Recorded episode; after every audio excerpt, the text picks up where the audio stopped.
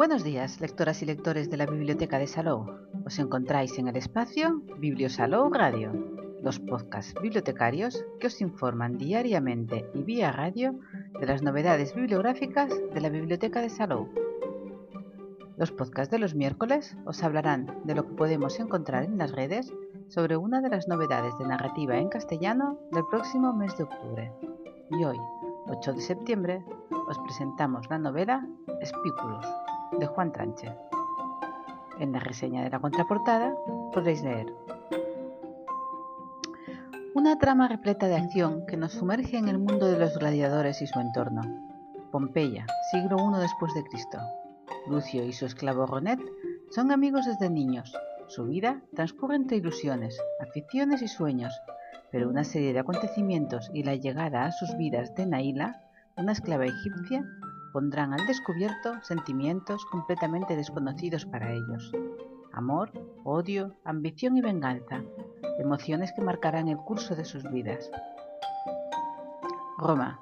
El emperador Nerón trata de mantener el trono ante las conspiraciones que surgen a su alrededor e intenta evitar que la ciudad se reduzca a cenizas. Durante ese tiempo, Spiculus lucha por ser el mejor gladiador del imperio y desafía sus límites en cada combate, mientras un nuevo gladiador emerge para retarlo. Una historia que confluye en un drama histórico en el que la venganza, el amor y la arena de los coliseos son el motor de la narración. ¿Qué destino guarda a los dos amigos? ¿Logrará Nerón poner fin a sus miedos? ¿Conseguirá Spiculus convertirse en el mejor gladiador de todos los tiempos? Juan Trancher recrea una trama repleta de acción que nos sumerge con maestría en el mundo de los gladiadores y su entorno. En el blog La historia de mis libros nos hablan de la novela. En Espiculus visitamos a Pompeya en el siglo, en el siglo I.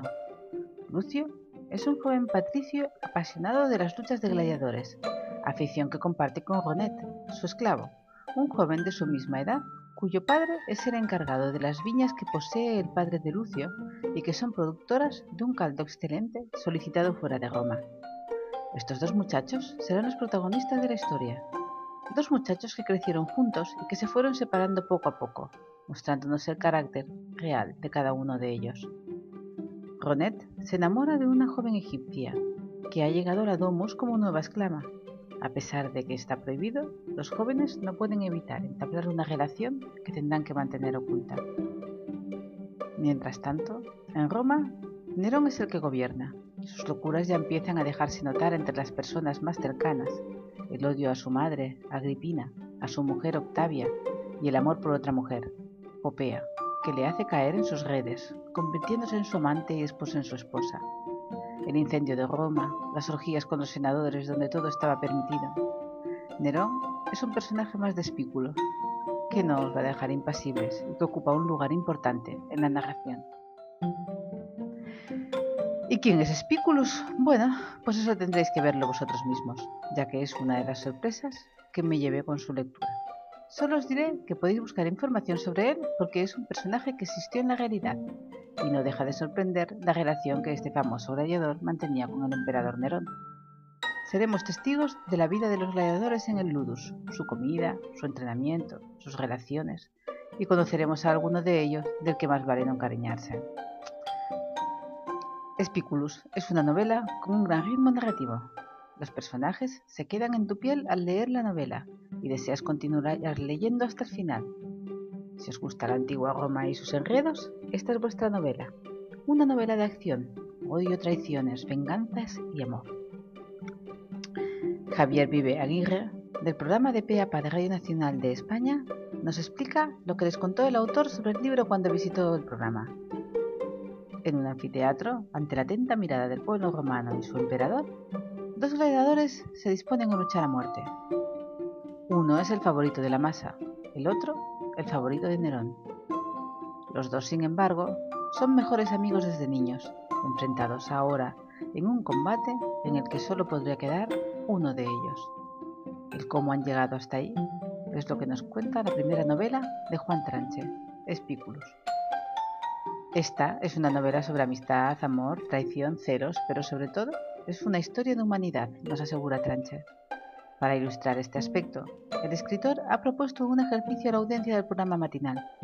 Imagínese a usted mismo con su mejor amigo, riendo, hablando, incluso peleando por cualquier cosa. Ahora, imagínense a punto de combatir a muerte en un anfiteatro ante la mirada de toda Roma y el emperador. Un emperador que en el contexto de la novela no es otro que Nerón, uno de los más polémicos de la historia romana, un ámbito del que Tanche confiesa ser un apasionado absoluto. A la hora de documentarse para Espículus, Tanche llevaba ya un buen trecho recorrido con los gladiadores y la historia romana en general. En su paso por de pe a pa, nos ha contado, por ejemplo, que uno de los protagonistas de la novela es un autorati, esto es, un ciudadano romano que se desprende voluntariamente de la ciudadanía para convertirse en gladiador, llevándose por ello el desprecio de la sociedad romana. No es de extrañar, teniendo en cuenta algunas de las cifras que llegaban a pagar algunos emperadores por ver combates entre gladiadores. Tiberio llegó a pagar 100.000 sestercios, unos 150.000 euros actuales, por ver un combate, nos cuenta el autor. Juan Tranche es un profesional con un bagaje de más de 20 años en el sector editorial. Su interés se centra en el estudio e investigación histórica de la antigua Roma y el mundo clásico. Ha participado en diferentes medios para hablar sobre su gran pasión, el mundo de los gladiadores. Spiculus, un libro de 600 páginas editado por Suma, es su primera novela. Si queréis más, saber más de él, lo podéis seguir en Facebook, Instagram y Twitter. Y hasta aquí el podcast de hoy, pero tenemos más novedades de narrativa en castellano que iremos descubriendo cada miércoles a las 11. Que tengáis muy buen día y muy buenas lecturas que os acompañen en el día a día.